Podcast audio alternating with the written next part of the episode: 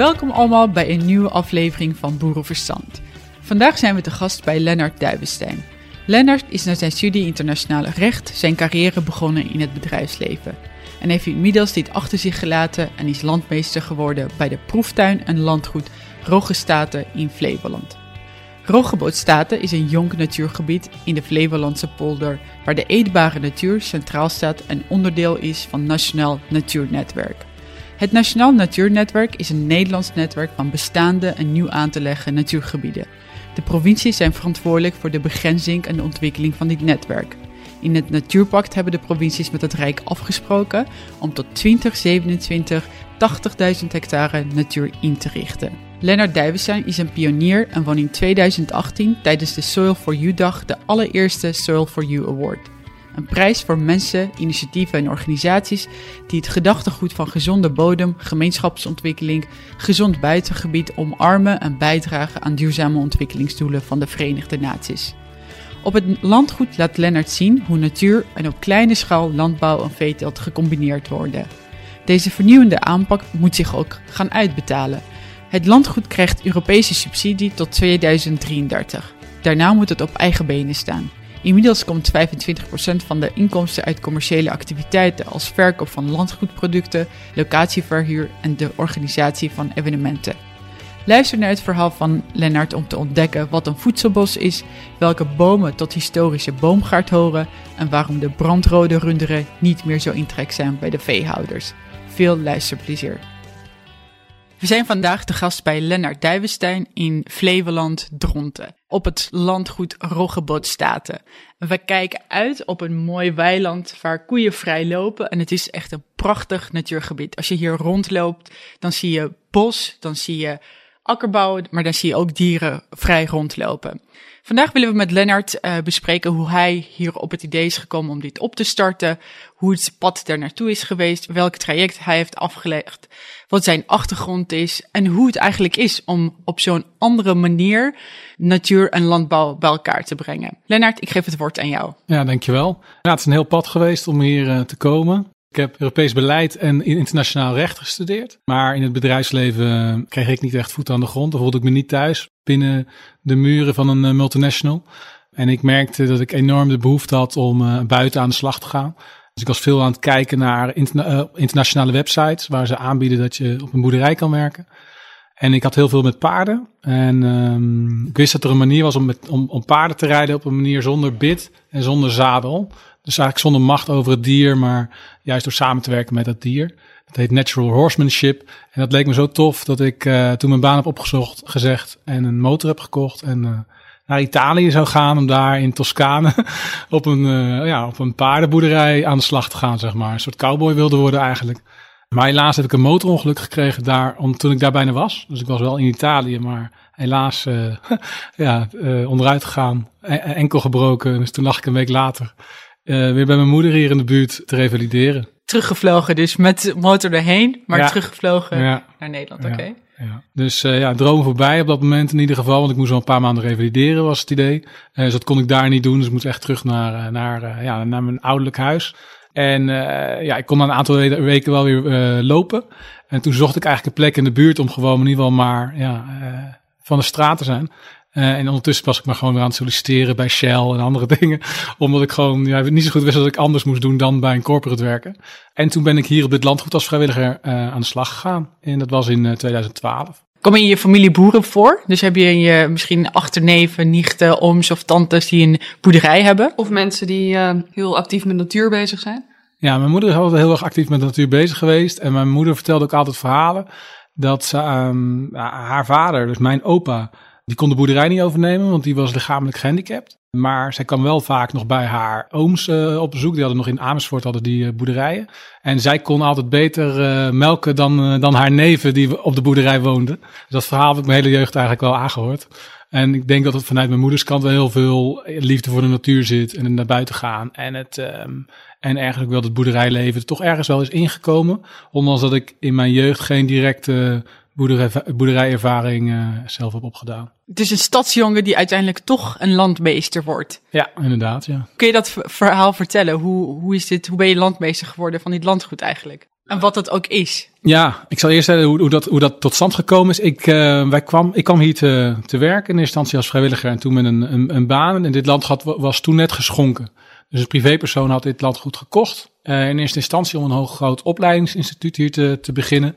Maar na drie jaar bleken die plannen, plannen niet realiseerbaar. Dus toen had zij een landgoed, zeg maar, maar zonder dat daar een invulling voor was. En waarom kon dat niet uh, gerealiseerd worden? De financiële onderbouwing van de plannen waren niet, uh, waren niet, ja, kon niet, de, dus de faciliteiten die gerealiseerd hadden moeten worden, kon niet, konden niet betaald worden uit de programma's die daarna gedraaid zouden worden. Dus het verdienmodel was niet, was niet goed. Maar ze had wel de wens dat dit een plek zou zijn voor de, uh, voor de samenleving. En wilde toen gewoon kijken wat kan daar bottom-up gaan uh, uh, gebeuren. En ik ben toen begonnen als vrijwilliger dus samen met een beheerder en een directeur. En ik heb aan de ene kant heb ik die uh, beheerder meegeholpen om dit landgoed te gaan beheren. Dus letterlijk gewoon het gras maaien, bomen zagen en ehm, datgene wat doen wat nodig is om de natuur een beetje bij te houden. En aan de andere kant met een directeur meegedacht van hoe zou je deze plek nou verder kunnen ontwikkelen. En toen uh, deed ik ook de academie van de Slow Food uh, beweging. De, dat heette toen nog de Youth Food Movement. Dat heet tegenwoordig de Slow Food Youth Network. Dus dan ga je in zes maanden lang met 25 mensen eigenlijk het hele voedselsysteem door. En dan kom je op allerlei plekken en dan bespreek je de thema's die van belang zijn uh, over de verandering van ons voedselsysteem. En toen ben ik opnieuw naar dit landgoed gaan kijken. En toen dacht ik, hoe zou je van een natuurgebied eigenlijk daar een eetbaar natuurgebied van maken? En dan thema's zoals het verlies van biodiversiteit of de diversiteit op ons bord, eigenlijk dat weer terug kunnen brengen in zo'n natuurgebied. Wat is het verlies van biodiversiteit op ons bord? Dat in de supermarkt zijn ongeveer 150 producten, we, we, maken wij eten. Al de producten die daar liggen zijn gemaakt van ongeveer 150 soorten of 150 gewassen.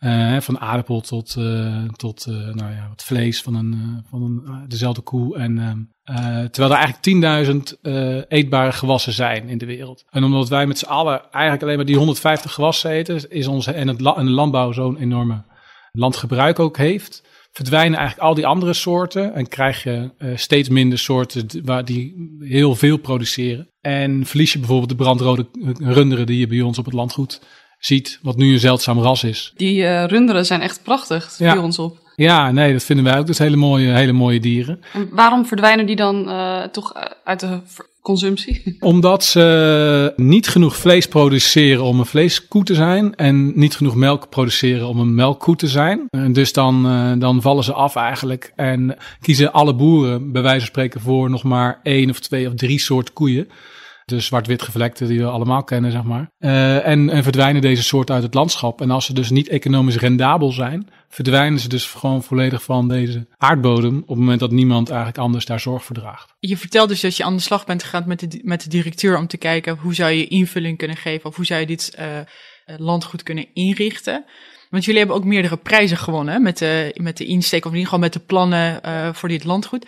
Kun je iets meer vertellen over wat is de, hoe groot is het landgoed? Wat zijn de plannen en wat zijn de verschillende onderdelen die je hierop terug wil brengen? Om dat, zoals je dat zelf noemt, een natuurinclusief landbouw te kunnen voeren hier. Ja, en het woord landbouw inclusieve natuur is ook al gevallen. Want dan, dat brengt het onderwerp weer terug bij de natuur. En is de landbouw inclusief is dan hetgene wat er binnen plaatsvindt. Dat is nog geen heel erg veel gebruikte term in Nederland, maar eigenlijk dekt dat meer de lading dan andersom. Dus we zijn hier 52 hectare natuurgebied, grotendeels onderdeel van de NNN, het Natuurnetwerk Nederland. Dus dat betekent dat het beschermde natuur is.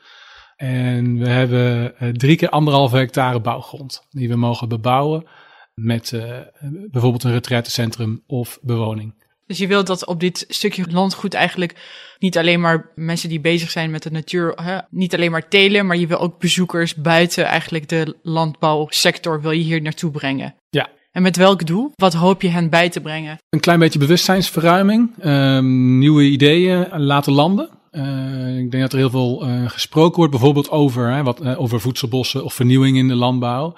Maar het is altijd fijn als er een plek is waar je dan kan zien hoe dat in, in, in zijn werking gaat. Zodat mensen daar een beeld bij kunnen krijgen. En er zijn steeds meer mensen ook gewoon geïnteresseerd in verandering van voedsel. En ook hoe natuur kan bijdragen aan de gezondheid van mensen. En wij willen dus heel erg een plek zijn waar we laten zien dat mensen een hele bepalende positieve invloed kunnen hebben op de natuur. En vice versa, dat de natuur een hele positieve werking kan hebben op de mens. Wie zijn de typische bezoekers die, uh, die dan langskomen? Zijn dat voornamelijk boeren of mensen die ook wel gewoon compleet buiten de sector staan? Nee, we hebben heel veel gewoon wandelaars, omdat we een openbaar natuurgebied zijn. Dus dat zijn echt mensen die buiten de sector zijn.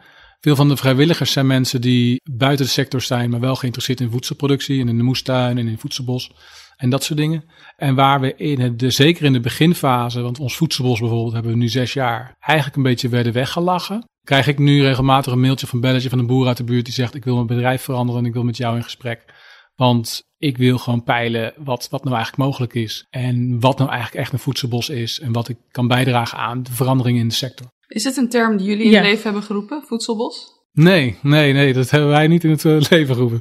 Dat hebben andere mensen gedaan voor ons. Oké, en, uh, en wat houdt het volgens jou in? Nou, een voedselbos is een, is een, een meerlaags permanent systeem. Hè, dus waar de meeste landbouw, in ieder geval de akkerbouw, eigenlijk jaarlijks uh, ga je daar een nieuw gewas op telen. Dus jaarlijks ga je ook de bodem uh, openmaken. Waardoor uh, CO2 de lucht in gaat, je emissie hebt, je met olie, olieslurpende machines daaroverheen gaat rijden.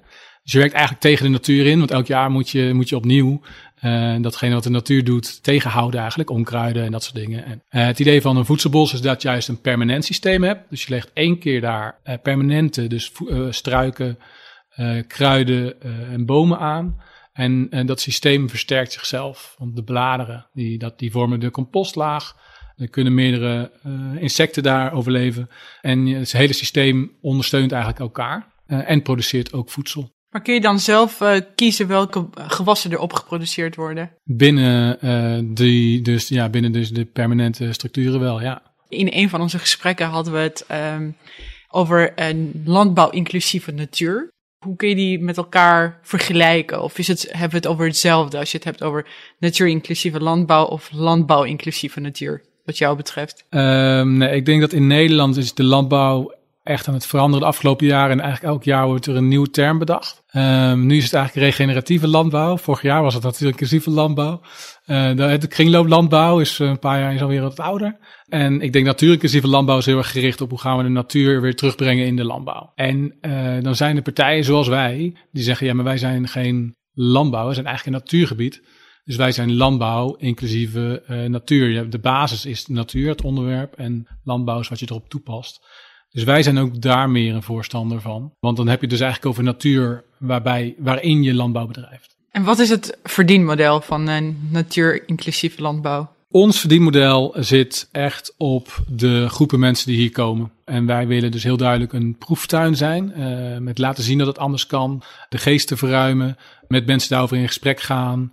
Workshops organiseren groepen ontvangen. Dus ons, ons verdienmodel zit echt in het ontvangen van mensen rondom die thema's. En zit niet per se in de, de basis van ons verdienmodel leggen in de productie van wat van ons land komt. Hoewel we op termijn wel uh, gewoon de kosten van het landgoed eigenlijk zouden willen halen uit, uh, uit onze voedselproductie.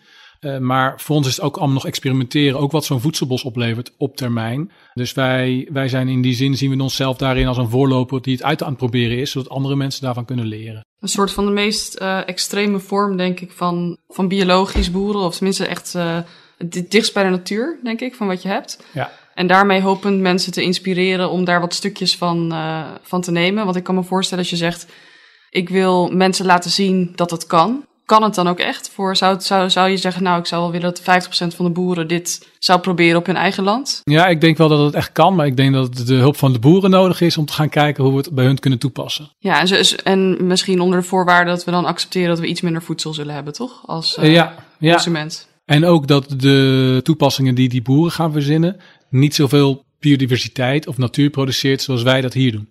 Dus ik kan me heel goed voorstellen dat een boer naar ons voedselbos kijkt, wat exact is wat er gebeurd is. En die zegt, oké, ik kan een aantal elementen hier echt uithalen. En daar kan ik echt wel op mijn terrein ook iets mee doen. Door meer diversiteit in zijn, uh, in zijn fruitbomenkwekerij, zeg maar, uh, neer te zetten. maar hij zegt, maar hoe jullie het hebben neergezet, daar geloof ik niet zo in. Maar ik ben met hem nu wel aan het kijken, wat, wat, hoe, kan het, ja, hoe kunnen we het wel toepassen bij hem? Want wat, wat, hoe zou het er bijvoorbeeld uit kunnen zien voor gemiddelde boer? Wat voor soort acties of initiatieven kunnen zij, zijn misschien wel realistisch om op redelijk korte termijn voor hen te ondernemen? Nou, als je een, een, een boerderij hebt met koeien bijvoorbeeld, zou je toch kunnen kijken naar andere rassen. Uh, dat je toch genoegen neemt dat ze minder produceren per koe maar dat er wel andere melk, of misschien wel zelfs wel betere melk uitkomt. Uh, in het geval van een voedselbos zie je dus dat de meeste uh, bomenkwekers um, veel meer, ja, die daar meer diversiteit in zouden kunnen, kunnen aanbrengen. En ook meerdere lagen zouden kunnen aanbrengen. Dus naast hun lage bomen zouden ze ook nog hoge, hoge notenbomen kunnen plaatsen. Of struiken. En een gemiddelde boer kan ook gaan strokenteelt. Waren jullie al bekend mee? Ik denk dat dat enorm goed werkt ook voor de versterking van de biodiversiteit. Kun je kort uitleggen voor de luisteraar die dat niet kent wat uh, strokenteelt inhoudt? Ja, strokenteelt is dus het idee dat je elke keer uh, een strook hebt waar je met een trekker erheen kan. En de strook ernaast is van een ander gewas. En de strook daarnaast is weer van een ander gewas. En op die manier kan je heel veel verschillende gewassen naast elkaar telen, maar toch efficiënt, want de trekker kan wel één hele lange baan maken. Uh, maar je zorgt dus ook, omdat het andere gewassen zijn, hebben ze een andere oogsttijd. Waardoor er heel veel ook nog in de bodem blijft staan. Waardoor beesten daar schuil, uh, kunnen schuilen. Uh, en waardoor de biodiversiteit dus op je land veel diverser wordt. Ja, en het voorkomen van een monocultuur, ja. denk ik. Vergt dat ook niet heel veel kennis bij de boeren die zij misschien nog niet hebben van die verschillende typen gewassen? Want je hoort heel vaak dat ze bijvoorbeeld hè, uien, aardappelen, suikerbieten doen en af en toe misschien nog een ander gewas erbij. Hoeveel vraagt dat van een boer om uh, met zo'n strokenteelt echt verschillende type gewassen die ook op verschillende momenten geoogst moeten worden? Ik denk dat het enorm veel van boeren vraagt. Ja, ik denk dat de vraag die wij sowieso als samenleving bij de boer op dit moment neerleggen, is, eh, is heftig. Is heel groot, geloof ik. In ieder geval ook voor, qua persoonlijke verandering. Um, eh, mensen kunnen wel veranderen, maar ja, willen, willen alleen maar veranderen als ze dat, daar ze zelf een keuze voor hebben. En ik denk op het moment dat, dat je nu zoveel bij hun neerlegt, dat, er, uh, dat, het, dat het veel moeilijker wordt nog om te veranderen. En zeker, het is niet alleen maar meer gewassen telen, het is ook een andere manier van telen. En ja, ik denk dat dat voor veel boeren echt wel een uitdaging is om dat allemaal opnieuw te gaan leren naast alle regelgeving die je moet kennen en het runnen van een boerderij. Ja, een hele uitdaging. En Lennart, denk je dat dit een beweging is of een, um, een trend is die, uh, die gaat groeien? Merk je dat dit, uh, dat consumenten bijvoorbeeld misschien ook meer bereid zijn om te betalen voor dit soort producten of initiatieven? Of dat je ziet dat boeren er zelf enthousiaster over beginnen te worden? Ja, ik zie echt, binnen bij de boeren zie ik gewoon wel beweging. Dus dat ik nu ja, mailtjes krijg. Uh, gemiddeld nu twee keer per week. En uh, nou, vijf jaar geleden moesten wij, was het echt nog heel erg anders. Um, ja, dus daar zie ik een enorme andere beweging in. Ik zie hele leuke koplopers die andere dingen aan het doen zijn, die inspirerend zijn.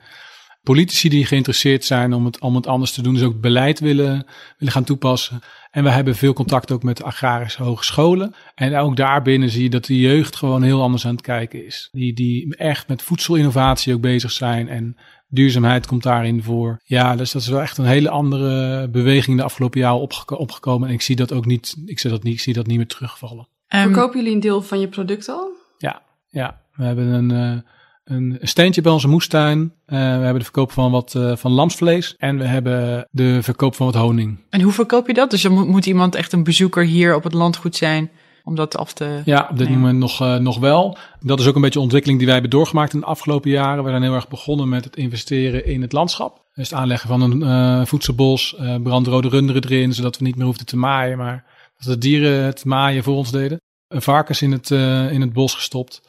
En dat voedselbos dat gaat nu wat produceren na vijf jaar. moestuin gestart, historische fruitboomgaard. dus nu uh, ons bezoekerscentrum is nu uh, eindelijk afgebouwd en daar zit een keuken in, zodat we onze producten ook kunnen gaan verwerken. En de bedoeling is dus dat zometeen daar als corona voorbij is, mensen weer ontvangen kunnen worden en vanuit daaruit uh, verkoop kan gedaan kan worden. Wat is een historische fruitboomgaard? Nou, dat gaat weer terug op de diversiteit. Dus um, tegenwoordig kennen we de Elstar en de Pink Lady en nou liggen er ook ongeveer vijf denk ik in de supermarkt.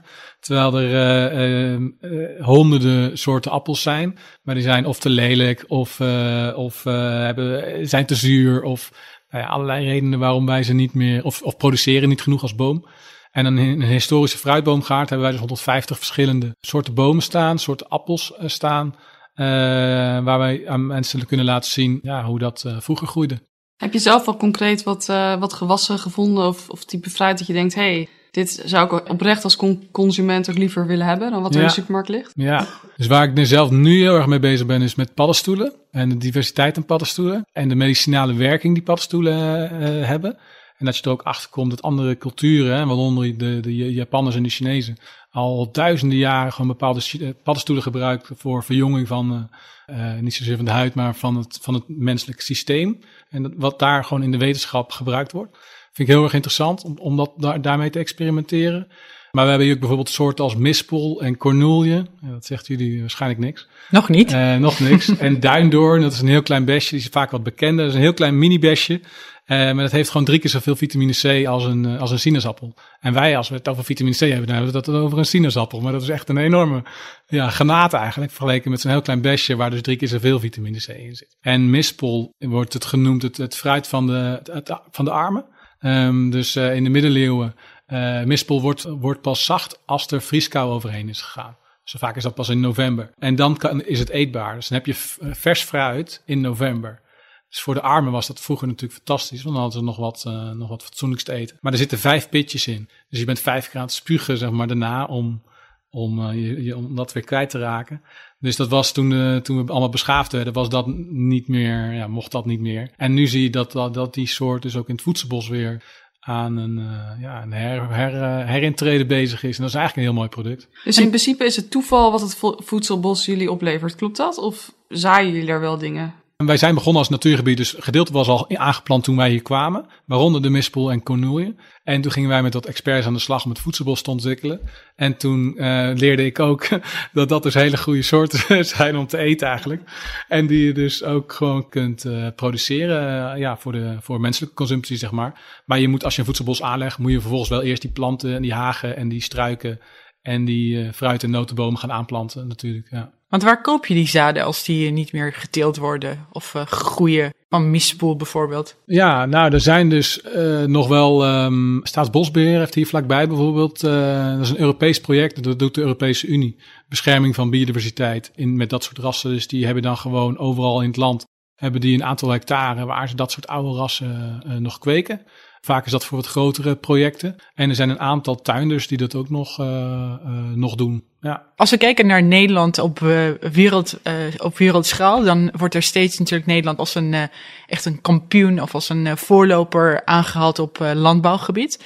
Als ik jou hoor zo praten, dan klinkt het alsof er ook heel veel kennis gegenereerd wordt eigenlijk binnen, binnen dit landbouwgebied. Hoe dragen dit soort um, misschien alternatieve projecten aan een verdere kennisontwikkeling van Nederlandse landbouw? uh, ja, landbouw.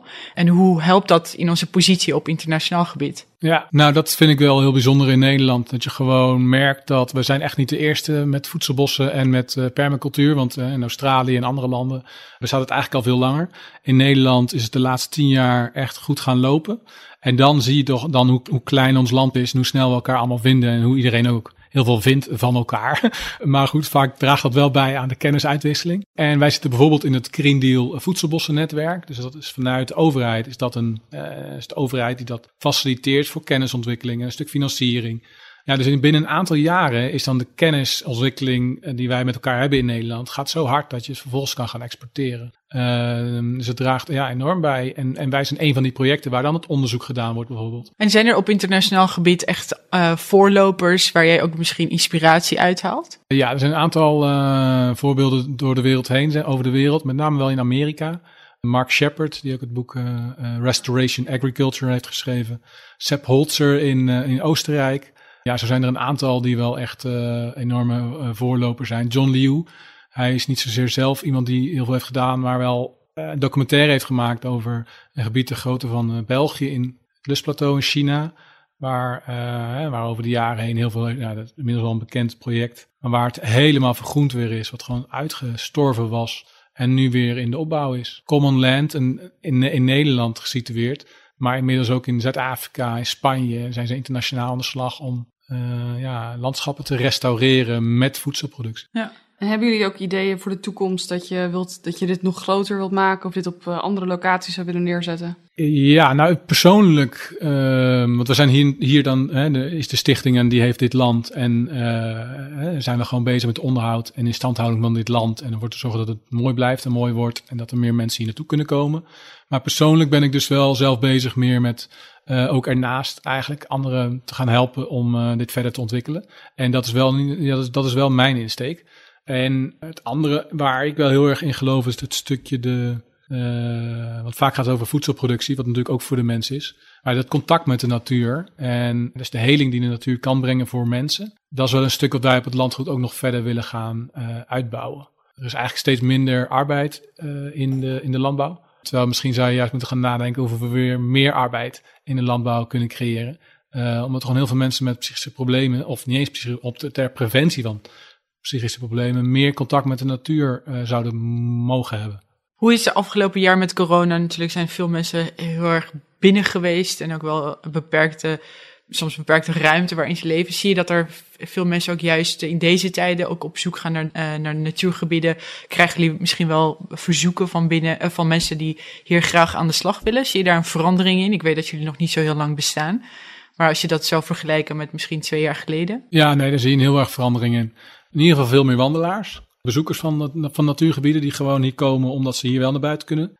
Maar in de we hebben toch voornamelijk wel wat oudere mensen in ook in ons vrijwilligersbestand. En die vinden het op dit moment wel te risicovol. Waaronder mijn moeder ook, die wekelijks in de moestuin werkte. Maar gewoon zegt, ja, zelfs het buitenwerk is op dit moment, uh, ja, vinden veel mensen toch te spannend. Ja. ja. Misschien ook nog leuk om te vertellen, want jullie hebben met het landgoed heb je een award gewonnen, gewonnen van uh, op Europees gebied als een van de inspiratie, als um, een van de projecten die heel inspirerend is over hoe je ja. dit soort uh, gebieden kunt inrichten. En daarnaast heb jij zelf ook een Soil for You award ja. gewonnen uh, omdat je met je gedachtegoed en hoe je naar uh, nou, de invulling van landbouw kijkt, dat je daarin verschillende elementen in meeneemt. Kun je vertellen wat voor awards dat zijn en wat dat betekent ook voor jou? Ja, dus de eerste hebben we al in 2014 gewonnen. Dat was een, een Flevolands Award, de um, Groene Pluim. En dat was met name eigenlijk op de potentie die onze plannen uh, hadden in die tijd. Omdat toen waren we nog niet eens zo heel lang begonnen.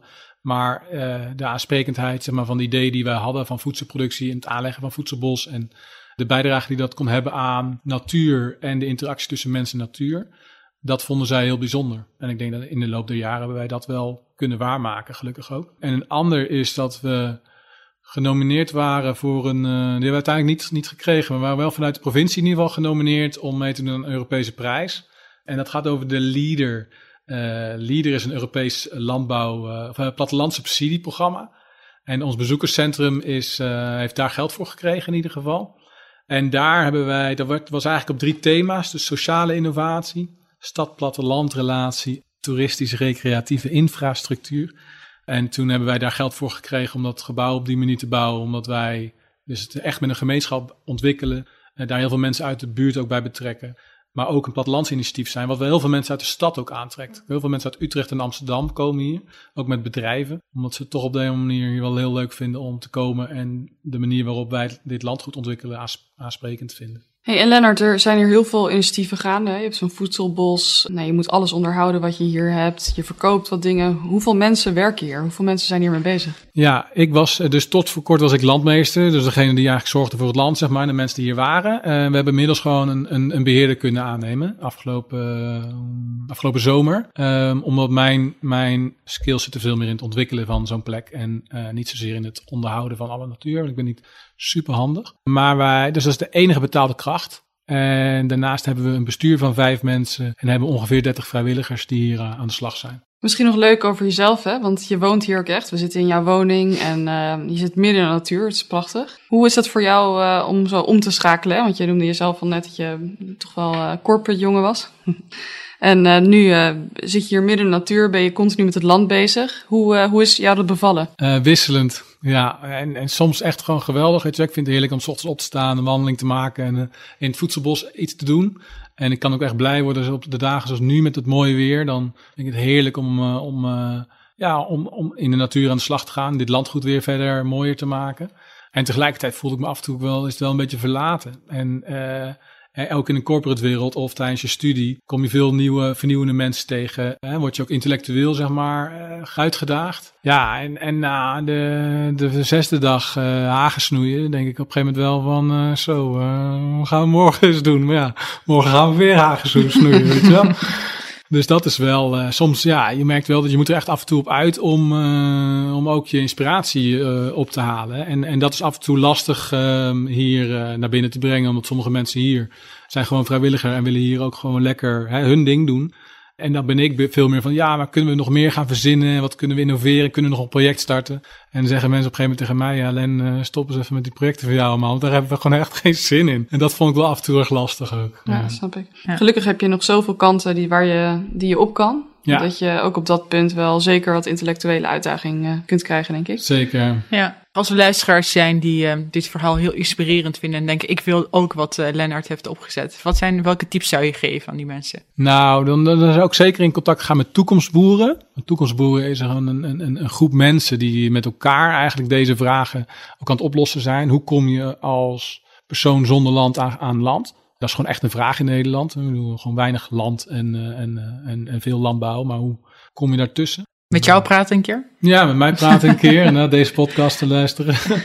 uh, nee, dus zeker inderdaad hè, hier, hier ook langskomen. Dat, uh, dus of een dag meewerken. Op dinsdag en donderdag hebben wij vrijwilligersdagen. Dus kunnen mensen gewoon aan de slag hier. En op die manier dus kennis opdoen, praktisch kennis op, uh, ervaring opdoen.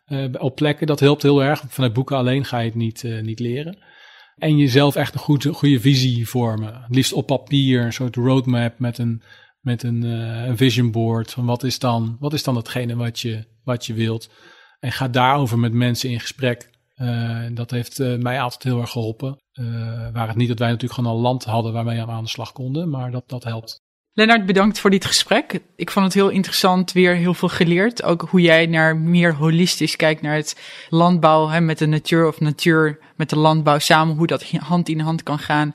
En heel mooi om te zien hoe jullie dat concreet vormgeven. Door dit initiatief te starten waar mensen ook naartoe kunnen komen. Maar waar ook boeren dus van kunnen leren. En dat dat ook weer bijdraagt aan kennisontwikkeling van onze landbouwkennis als, als land. En heel mooi om uh, de koeien ook vrij uh, te zien rondrennen hier, uh, zo in de natuur. Dus dankjewel. En ik denk dat onze luisteraars ook heel veel inspiratie en ook wel heel, heel veel kennis kunnen halen uit dit gesprek. Dankjewel. Jullie ook bedankt.